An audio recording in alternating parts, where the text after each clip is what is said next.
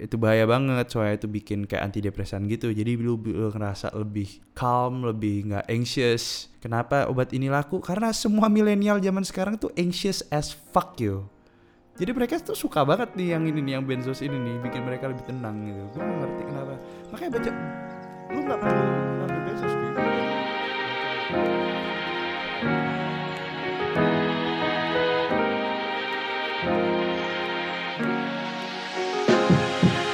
Hey everyone, welcome back to pada suatu ketika episode 37 Eh, eh, eh, eh, eh, gimana kabarnya semua? Nah, di kesempatan kali ini gue mau kasih topik yang I've always been wanting to talk about, man. Kayak yang kemarin gue omongin di IG PSK Podcast, cuy. We're gonna talk about marijuana, drugs, and everything about it. Asik Oke, okay, alright. Um, kenapa gue bikin podcast kali ini? Karena banyak yang gue rasa tuh cuman bisa bedain orang-orang itu dua hal. Orang yang uh, doing drugs and those who don't. That's it. Padahal tuh banyak banget perbedaannya loh. Kayak even even if you're if you're doing drugs, if you're taking drugs before or until now, aha, gak bisa disamain semua gitu loh. Yang bikin gue pingin ngomong hal ini tuh banyak banget mitos-mitos kayak myth yang uh, beredar di luar sana kayak informasinya salah semua men. Kayak oh ya oh you know what? That guy he's doing drugs. Tapi kok dia nggak sakau ya? Kayak bro dia uh, smoke pot. Kalau pada nggak tahu pot tuh apa tuh uh, pot tuh ganja or marijuana or uh, apa sih kata lain gue gak tau Mary Jane or whatever the fuck you wanna call it. Gue nggak pernah tahu ada orang yang sakau gara-gara ganja eh, kepalanya geter-geter gitu. Gue nggak pernah tahu gue nggak pernah tahu hal itu. Oke okay, uh, atau ada mitos yang kayak myth yang uh, oh kalau lu coba satu lu coba semua. Itu semacam kayak gateway thing. Banyak banget men. Berita-berita di luar sana yang menurut gue kayak ayolah tolong lu boleh nggak setuju dengan hal ini? Begitupun gue gitu loh misal kayak gue disagree about it. Tapi ya at least lu harus in well informed dong kalau lu nggak setuju. So itu alasan gue kenapa gue bikin podcast kali ini. Podcast kali ini lebih ke arah edukasi biar lu pada lebih berkembang lu pada lebih mengerti tentang dunia ini yang mungkin lu pada kayak uh, skeptical sebelumnya. Oke? Okay? by the way before we start, banyak pendengar gue pada nih masih under 18 ya kan, uh, even under 17 masih SMA. Uh, so for those of you yang masih SMA mau dengerin hal ini, gue kasih tahu satu hal. Waktu lu kuliah, lu bakal ngeliat teman-teman lu fucked up. Jadi kalau lu ngerasa kayak waktu di SMA lu takut takut takutin sama guru lu, men kuliah tuh ntar semuanya bakal berubah men. It's a very normal thing. So anyway, kita langsung masuk aja nih ke cerita gue dulu, cerita gue dulu. So, yes, pada suatu ketika. Jadi pada suatu ketika waktu itu gue baru berangkat ke Amerika kan. Hal pertama yang gue tahu setelah gue nginjek kaki di Amerika, gue melihat ada beberapa anak yang main sendiri. Oke. Okay? Jadi anak-anak itu main sendiri dan gue dengar dari kabarnya uh, oh, itu tuh itu mereka golongan-golongan yang suka ngebugs. Gue gue gue shock, gue shock, gue kayak Hah? Gila ya? Mereka memakai narkoba. Hah? Ini tidak mungkin.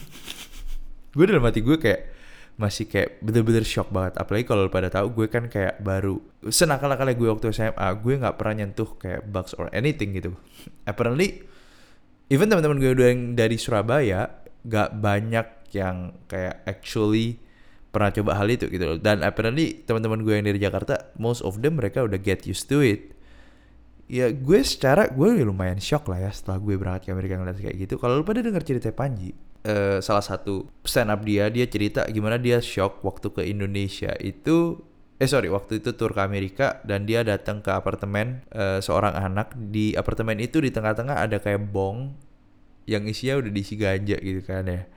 Apparently yang kalau lu kayak penasaran apakah yang dikatakan Panji itu benar? Well itu ternyata normal banget weh di US jadi gue waktu pertama kali, gue juga respon gue sama kayak Panji, gue kayak what the fuck? Kayak kayak gue waktu itu datang ke rumah temen gue, terus gue kayak e, ngelihat hal itu gue lumayan lumayan shock aja sih, gue lumayan kayak hah ini gak mungkin kejadian depan mata gue. Kayak men ini gajah loh narkoba loh tai. Lu taruh geretakan di sini. Well uh, after like a few years gue di sana gue lebih ke arah kayak akhirnya biasa aja sebenarnya sama semua hal itu. Setelah gue di US segitu lama ya karena kenapa? Di US sendiri meskipun waktu gue masih di situ itu dilarang orang-orang di sekitarnya itu mereka gak gitu kepo. Mereka tuh gak gak kayak nyium bau ganja terus tiba-tiba di level polisi. Itu loh sebelah ada bau ganja. Gak kayak di Indonesia men. Di Indonesia tuh kayak lu lagi berhubungan atau gak usah berhubungan cuy misal lu sama uh, pacar lu lagi di uh, rumah sendirian gitu ya tetangga lu bisa nelpon lu cuy kalau lu misal kayak di kampung gitu. Gua nggak ngerti kenapa level kepo Indonesia tuh separah itu tapi kalau di US tuh mereka nggak ada they don't give a fuck. Kayak mereka nggak peduli sama apa yang lo lakuin kan ya.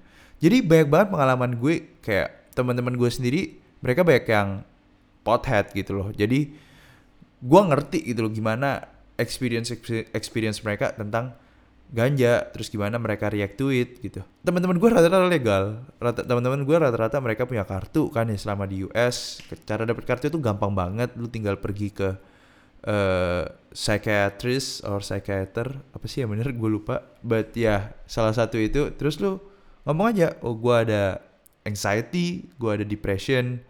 I just broke up with my ex ya udah lu dikasih kartu gampang banget men abis gitu lu lu pergi ke dispensary, lu beli anything you want. That's it. That's simple. Back then, kalau sekarang udah legal cuy di US. Gue sendiri sih gue gue nggak nggak nggak smoke pot because because gue major math gitu. Jadi gue nggak uh, nggak nggak actually bisa ngebugs dan bisa belajar. Meskipun ada beberapa temen gue yang bisa gitu kan. Sebenarnya enggak sih. Alasan gue pertama sih ya karena gue pusing anjing gue takut aja sih setelah gue kayak smoke pot terus habis gitu gue pulang Indonesia terus tiba-tiba gue dites terus oh Andreas THC kamu tuh positif loh positif THC loh coba kalau kayak gitu gimana gue harus jelasin ke bonyok gue tadi tapi nggak apa-apa tapi nggak apa-apa uh, dari situ aja sebenarnya dari teman-teman gue actually kayak smoke pot gue belajar banyak banget. Gue kayak meskipun gue nggak actually experience it gitu tapi dari cerita-cerita teman gue gue belajar kayak sudut pandang baru pola pikir baru gitu. Jadi kayak gue lumayan grateful teman-teman gue ngambil sih. Thanks ya guys udah kasih gue experience. Meskipun gue nggak mencoba kalian sudah jatuh dalam dosa itu. Dosa kalian udah besar di surga sana. But yes anyway ini juga membuktikan kalau gue uh, gak actually smoke pot meskipun lingkungan-lingkungan gue semuanya smoke pot gitu. Itu semua dari lu sih sebenarnya menurut gue. Nggak bisa lu nyalain orang lain. Nggak bisa lu nyalain pothead pothead di sekitar lu gitu. Jadi eh bentar bentar kan lu pada tahu kan pothead itu apa? Jadi pothead itu orang-orang yang kayak ketagihan banget sama cannabis gitu loh. Jadi kayak suka banget almost every single time itu ngegets kayak lu tahu Snoop Dogg ya semacam gitu lah. Itu namanya mereka pothead parah. Gak semua temen gue yang pothead tapi nilainya jelek loh. Kayak one of my closest friends GPA dia tuh 3,9 something. GPA itu IP kalau di Indonesia. 3,9 something teknik gila nggak lo ini orang yang jenius banget. Dan dia pothead banget loh. Kayak literally gue nggak pernah ngeliat dia sober. Jadi apakah kalau lu memakai hal ini hidup lu bakal hancur? Lu bakal mati? Lu bakal gua nggak tahu. Uh, rusak jual semua barang di rumah lu untuk membeli hal ini. Apakah semua hal yang dikatakan guru-guru SD TK TK SD SMP SMA yang lu tahu itu semua hanyalah sebuah tipuan. Tapi serius sih cuy gue nggak expect ternyata yang gue pikir kayak gue mencoba narkoba tuh kayak bakal dimasukin ke minuman ah, bandarnya. Gue pikir bandarnya bakal kayak di film-film yang eh, penjahat masukin gua minuman ke minuman gue terus gua ketagihan terus gua kira terperosok dalam dosa itu. Pokoknya kayak gambaran gue tuh bener-bener beda beda banget sih seriusan. Oke balik lagi. What if what if oke. Okay, what if I told you that the bans on some of the drugs were caused by corporate agenda? Mind blown. Jadi jadi oke okay, before we jump in ya before we jump in on it uh, kita tuh harus differentiate a few types of drugs dulu ya kan? Gua gua gua mencoba mengedukasi kalian gitu loh. Daripada tadi kan gua ngomong tentang pengalaman gue uh, smoking pot gua kasih tahu lu pada dulu. Macam-macam uh, drugs or narkoba. We start with a few one okay? Uh, let's see. Uh, there are downer upper uh, party drugs productivity drugs chill drugs. Man banyak banget men macamnya men. Oke okay, biar biar kita enggak pusing ya kan? Kita pisah jadi tiga berdasarkan gue, oke, berdasarkan gue. Yang pertama adalah drugs tingkat dewa. Ini kalau pada tahu itu yang pertama adalah heroin. Heroin itu dari bunga-bungaan gitu. Kalau gue nggak salah, gue nggak pernah tahu kan ya. Terus masukin ke sendok, sendoknya biasa dibakar pakai lilin, terus abis gitu uh, ditarik pakai suntikan terus diinjek ya kan ke dalam tubuhmu. Itu yang heroin. Yang kokain itu yang kalau pada lihat di movie-nya Wolf of Wall Street yang disedot di alat hidung itu bakal kasih lu energi boost buat lu lebih confident segala macam itu kokain. Itu bahaya juga tuh. Yang ketiga adalah meth or uh, sabu. Itu tuh kayak di filmnya Breaking Bad kalau pada tahu. Nah tiga hal ini yang tingkat dewa ini itu bahaya. Lu pada bisa OD, terus lu pada bisa mati lumayan cepet dengan hal itu. Tiga benda ini bisa bikin lu sakau, withdrawalnya tuh parah banget. Yang mungkin lu gua nggak tahu sih dari para pengguna narkoba yang gua tahu berdasarkan guru SMA gua ngomongin uh, ya itu tuh sakau segala macam terus panas dingin segala macam nah itu tuh ini yang tika dewa. Makanya lu nggak boleh uh, even think of it.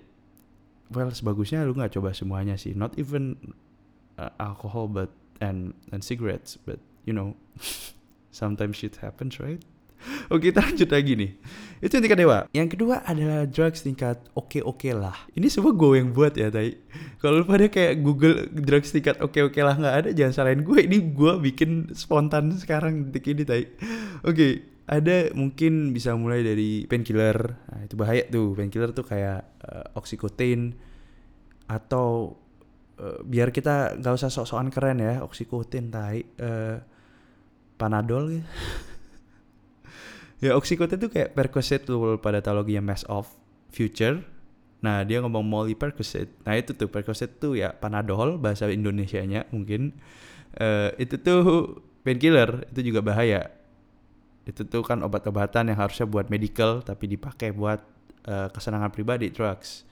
Uh, di abuse gitu kan. Yang kedua tuh ada namanya benzos. Benzos tuh uh, yang lagi zaman di Jakarta sekarang yang anak-anak hits pada pakai Dumolit, uh, Xanax, uh, Valium ya ya whatsoever uh, itu bahaya banget soalnya itu bikin kayak antidepresan gitu jadi lu, lu ngerasa lebih calm lebih nggak anxious Kenapa obat ini laku? Karena semua milenial zaman sekarang tuh anxious as fuck yo. Jadi mereka tuh suka banget nih yang ini nih, yang benzos ini nih, bikin mereka lebih tenang gitu. Gue gak ngerti kenapa. Makanya baca, lu nggak perlu ngambil benzos cuy. Kalau lu baca buku and actually try to build up your habit. Uh, jadi kalau lu pada mau reconsider yourself kalau if you are taking benzos right now, coba consider apa yang gue omongin ya. Baca buku, benerin habit lu, please.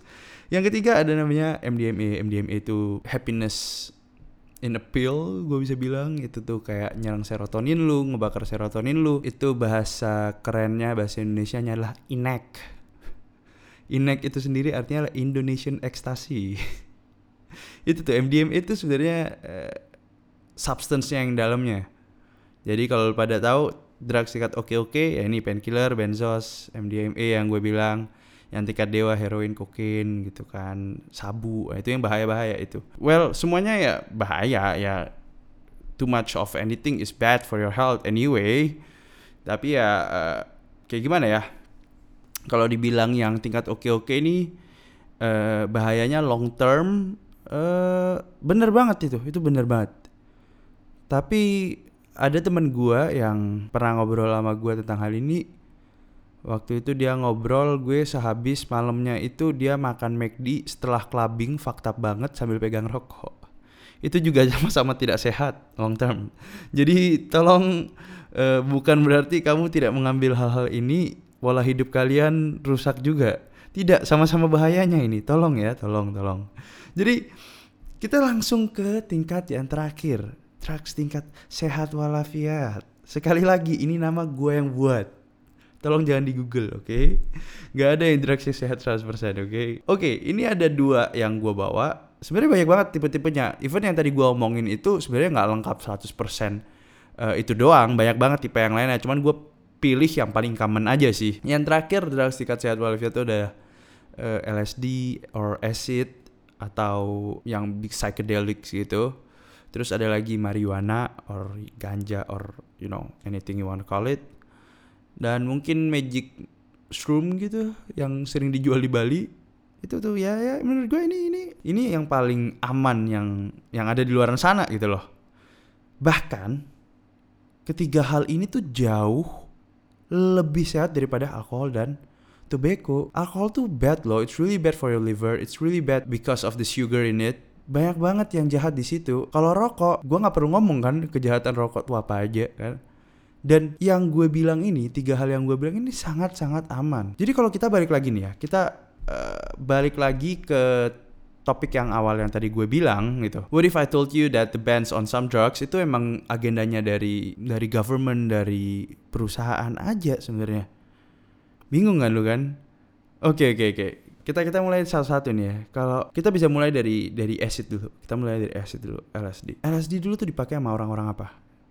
Dipakai sama orang-orang hippies di Amerika pada tahun 1900 60-an, 70-an yang kalau hippies tuh kalau pada tahu tuh yang modelnya rambutnya panjang, naik mobil VW, terus dia tuh mereka tuh yang gejar-gejarnya make peace not war. Yang benernya peaceful banget deh. Mereka tuh suka banget hal ini. Kalau pada mau tahu lagi siapa yang pakai acid or LSD ini tuh Steve Jobs, Bill Gates, uh, Paul Allen, The Beatles, ya pokoknya zaman-zaman itu deh mereka tuh pakai substance ini. Karena substance ini ngebuat ini konspirasi teorinya ya ini konspirasi teorinya. Karena substance ini actually nggak do any harm on you tapi yang ada bikin lu lebih malah kayak dapat mental clarity dapat tranquility. Lu lebih kayak kerasa peaceful. Government tuh tarik hal itu tarik ini biar hippies movement juga nggak gede. Peredaran obat ini juga nggak gede di luar sana. Jadi orang-orang karena mereka kehilangan ini anggapannya kayak hippies movement tuh kalah Eh, mereka bisa ikut perang di Vietnam. Jadi itu yang dari LSD ini, dari acid ini. Kita lanjut lagi ke ganja ya. Ganja itu 100% politik. 100% politik. Kenapa ganja dibilang 100% politik? Karena gini nih, ganja sendiri itu sehat. Ya kan? Lu pada udah tahu, banyak banget main benefitnya lu pada bisa Google itu. Kalau gue oke okay, gue pilih view ya. Yang gue inget gue dulu pernah do research on it. Yang gue inget tuh kalau gak salah bikin Parkinson chance lu kena Parkinson lebih dikit uh, paru-paru lu ngelebar terus udah gitu intinya lu bisa nafas lebih lama. Terus udah gitu sel-sel kanker di dalam badan lu itu lebih susah bertumbuh ngatasi PTSD post traumatic apa ya PTSD ya? pokoknya itu deh PTSD depression anxiety benefitnya tuh banyak banget men. Tapi karena kenapa gue bilang ini 100% politik? Karena kalau negara ngelegalin ganja otomatis industri rokok bakal melemah. Ganja sama ngerokok tuh lawan-lawanan gitu loh. Dan biasanya negara-negara yang mendukung itu di Amerika dulu itu adalah industri rokok. Tapi kan zaman sekarang di Amerika orang-orang tuh yang rokok dikit banget men. Gak kayak di Indo men. Di Indo tuh kayak semua orang tuh ngerokok. Di Amerika tuh nggak kayak susah banget lu ngeliat orang ngerokok. Paling dari 10 cuma ada dua atau tiga orang yang ngerokok even less kayak satu atau dua mungkin kan.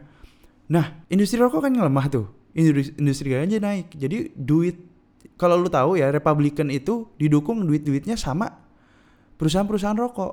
Biar nggak ngelegalin ganja ini biar pendapatan rokok nggak menurun. Nah ini yang gue bilang ini nih politiknya yang sangat jahat gitu loh. Jelas-jelas udah 100% men. 100% ganja itu sehat banget loh. Dan rokok tuh efek sampingnya tuh jahat banget tapi tetap aja gitu loh. Di dilegalin yang dilegalin yang mana? Yang ngasilin duit cuy. Banyak banyak mit mitnya oke kita lanjut lagi dari dari dari dari yang dua hal ini yang gue tadi sebutin ke lo biasanya yang yang sering dikenain yang sering dibawa itu adalah psikosis. Psikosis tuh penyakit penyakit mental karena halusinasi yang di dapat dari lu doing drugs kan. Psikosis sendiri tuh ya lu lu cari researchnya deh. Gue udah buka webmd WebMD itu biasanya suka ngelebay-lebayin harmnya kan. Lu cari internet sendiri banyak banget men website gue buka. Psikosis itu tidak bisa ditimbulkan karena lu doing drugs. Nggak bisa. Itu bisa enhance penyakit yang ada. Misal kayak gini, lu nggak bisa kena psikosis karena lu ngegits, ngebugs. Tapi kalau lu kena psikosis dan lu ngebugs, itu bisa lebih parah. Ngerti gak sih maksud gue? Jadi negatifnya apa cuy? Gak ada. Semuanya tuh cuman baik lagi ke arah duit. Itu tuh yang jadi masalah. Other than that mungkin yang biasa dipakai government, biasanya tuh kayak gini. Kalau misalkan kita membiarkan ganja itu legal atau mungkin acid itu legal atau drug-drugs yang sebenarnya nggak bikin any harmful to uh, the people malah lebih baik positifnya kita takut mereka kegitingan atau tripnya terlalu parah sampai mereka mungkin berhalusinasi uh, waktu menyetir under influence terus habis gitu uh, jalan di jalan di tengah kota kan yang nggak ngeliat kanan kiri saking gitingnya saking stunsnya men alkohol juga bisa menimbulkan hal itu loh. Kenapa alkohol nggak dilarang? Karena kenapa? Memberikan duit sudah besar gitu kan. Jadi in my opinion in my opinion ya menurut gue uh, specifically on on on weed weed should be legalized for sure karena menurut gue kalau lu nggak ngelegalin hal ini, yang ada malah lebih banyak ruginya ke negara. Contoh, lu pada tahu prohibition in the US gak? Waktu tahun sekitar 1920 gitu, 1930 di mana semua alkohol dilarang. Di situ tuh negara-negara baju biasanya patokannya di, di, di, di kejadian itu, prohibition tahun 1920 sampai 1930. Apa yang terjadi dengan pelarangan alkohol. Pertama duit-duitnya. Jadi kan alkohol ke supply sama black market kan. Duit-duitnya itu yang dapat siapa? Mafia-mafia. Ya kan? Karena barang-barangnya black market semua. Kedua governmentnya nggak dapat duit apa-apa. Karena nggak diregulasi. Mereka dapat duit apa? Gitu. Padahal waktu itu alkoholnya tuh baik banget loh. Kayak kamu lu lu bisa bayangin nggak? Uh, California tuh dapat billions of dollars because of uh, legalization legalization of weed. Billion of dollars loh. Puluhan bisa sampai puluhan t malah. Nah itu tuh duitnya bisa dipakai buat edukasi anak segala macam loh by the way. Yang ketiga kayak kalau misalkan kita nggak ngeregulasi hal ini banyak banyak barang-barang BM di luar black market sana itu yang kualitasnya dicampur-campur. Kayak lu pada tahu nggak di Indonesia itu uh, gue nggak actually pernah coba tapi gue dengar dengar dari teman gue tuh ada namanya gorilla if I'm not wrong. Gori ya panggilannya ya. Gorilla itu kalau lu pakai itu jadi kayak sintesis sintetis sintesis gue lupa shit kalau salah sorry ya. Sintetis marijuana. Nah kalau itu katanya kalau nggak salah itu jadi kayak daun terus disemprot cairan-cairan. Katanya cairan-cairannya tuh isinya autan segala macam gitu. Shit man. Itu ngerusak banget government nggak bisa nge ngelihat hal ini karena kenapa nggak di gak, di, gak diregulasi? Apakah dengan lu ngeregulasi uh, pasti bisa kejadian bisa lebih safe? Pasti jauh lebih safe meskipun nggak bisa 100% buktinya aja alkohol diregulasi tetap ada aja yang masih ngoplos-ngoplos autan shampoo segala macem bangset set tapi kan jauh lebih berkurang gitu bayangin aja kalau semua alkohol ditarik gitu semuanya jadi ngoplos anything yang nggak bener ya kan itu yang ketiga. Yang keempat tuh nggak ada data dari pemerintah. Jadi pemerintah nggak tahu tuh bagian mana yang sering pakai uh, narkoba ini atau bagian mana yang sering jadi target bandar-bandar. Nggak punya data men. Jadi pemerintah cannot do anything. Nggak bisa ngebantu nggak bisa ngapa-ngapain kalau nggak ada data. Jadi marijuana sendiri eventually bakal besar. Dan gak ada hal yang di luar sana yang bakal ngestop hal ini. In the future semuanya pasti dilegalin. Karena when things kayak udah gede banget kayak misalnya alkohol di dunia itu udah gede banget kan. Culture-nya udah uh, been there for years. Uh, orang dari ribuan tahun lalu udah nge-wine segala macem gitu. Udah terlalu banyak government nggak bisa nge-stop itu dengan prohibit uh, these things gitu loh.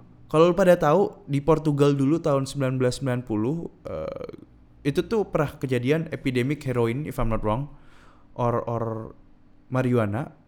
Dia mereka akhirnya ngestop epidemik ini dengan cara mereka ngelegalin drugs itu sendiri. Tapi government ngasih penyuluhan government tuh ngelihat hal ini jadi bukan secara crime tapi secara mental mental issues gitu. Jadi kayak ini masalah mental aja. Orang-orang yang biasa ngelakuin hal ini tuh karena mereka depresi segala macam uh, government ngelihatnya lebih ke arah gitu lebih ke arah uh, ini sebuahnya sebuah penyakit bukan sebuah kriminal tindakan kriminal di situ semuanya berubah. Jadi itu loh itu loh itu loh. Gimana gimana? Lu pada belum? Udah udah udah jelas gak eh ya anyway gue juga lupa about myth yang kayak ngomong kalau lu coba satu coba semua gue harus tackle hal itu sih. Uh, berdasarkan data yang gue dapat dari NHS National pokoknya intinya punya NIH ya atau punyanya United States itu dari research dari negara dari Amerika itu tuh ngomong gateway-nya itu sebenarnya bukan dari marijuana untuk lu coba semua itu gateway-nya itu adalah dari lu nyoba rokok. Itu gateway utamanya. Jadi kalau lu emang pakai alasan kayak oh weed should be uh, shouldn't be legalized karena itu bakal gateway, harusnya lu ban rokok dong. Karena berdasarkan riset udah kebukti gateway-nya itu dari rokok. Aha. So, in conclusion, gue pingin lu pada lebih ngerti tentang hal ini. Nggak semua orang doing drugs are bad. Some of them are really bad. Uh, but in my opinion, emang some of them tetap harus ilegal kayak penggunaan uh, painkiller, benzo segala macam untuk lu bi, lu abuse itu dengan lu pakai itu sehari-hari. Menurut gua it's bad. Itu harus tetap ilegal. Hard drugs or drugs tingkat dewa itu tetap harus ilegal menurut gue. Gua tahu ada beberapa negara yang udah ngelegalin hal itu, tapi gua masih against it karena kenapa di negara itu biasanya udah epidemik dan negara itu udah liberal banget, ya kan? Negara itu udah kayak oke okay, it's your body, do whatever the fuck you wanna do it gitu. Uh, you have your own right over your body. Lu boleh ngelakuin hal itu, pokoknya lu harus ngelakuinnya di tempat khusus. Lu nggak boleh ngelakuin itu tempat umum or di rumah lu karena lu takut uh, overdosis. Menurut gue, eventually gue lebih suka hal itu kejadian. Tapi di negara itu itu kalau nggak salah negara-negara udah yang well developed banget di Eropa di negara itu mereka semuanya udah pemikirannya udah maju cuy. Jadi mereka pergi ke actually pergi ke tempat itu buat suntik heroin dan mereka dapat penyuluhan gitu loh dari staff-staffnya. Safe sih. Cuman menurut gue Indonesia masih jauh dari hal itu but yes for legalizing marijuana I'm fully support I have uh, full full support towards that jadi ya that's it guys for today's podcast. I really hope you learn something. Not everyone using drugs are the same. Hopefully you will be able to talk to those people yang kayak oh dia pakai drugs kayak dia nakal deh jahat deh AIDS kamu salah nggak semuanya itu sama cile so yeah Hello everyone, thank you banget udah dengerin PSK sampai akhir. No matter what, gue cuma mau ngomongin hal ini gak baik buat generasi selanjutnya. No matter what, addiction is bad. Gak peduli alkohol, uh, rokok, narkoba, addiction is bad. Dan buat lu pada yang masih muda, uh, stay in school and don't do drugs kids. Uh, lu nggak tahu kapan lu bisa kena. Kalau bisa jangan ngerokok juga, for sure, please don't. Jadi lu nggak bakal tahu kapan lu bakal kena addiction ini. Awalnya semua mulai dari coba-coba sih. So yeah anyway uh, stay in school don't do drugs and don't forget to follow PSK Podcast don't forget to follow PSK Podcast don't forget to follow PSK Podcast. I'll see you guys on Friday night Q&A and then if you're not there I'll see you guys next week. See ya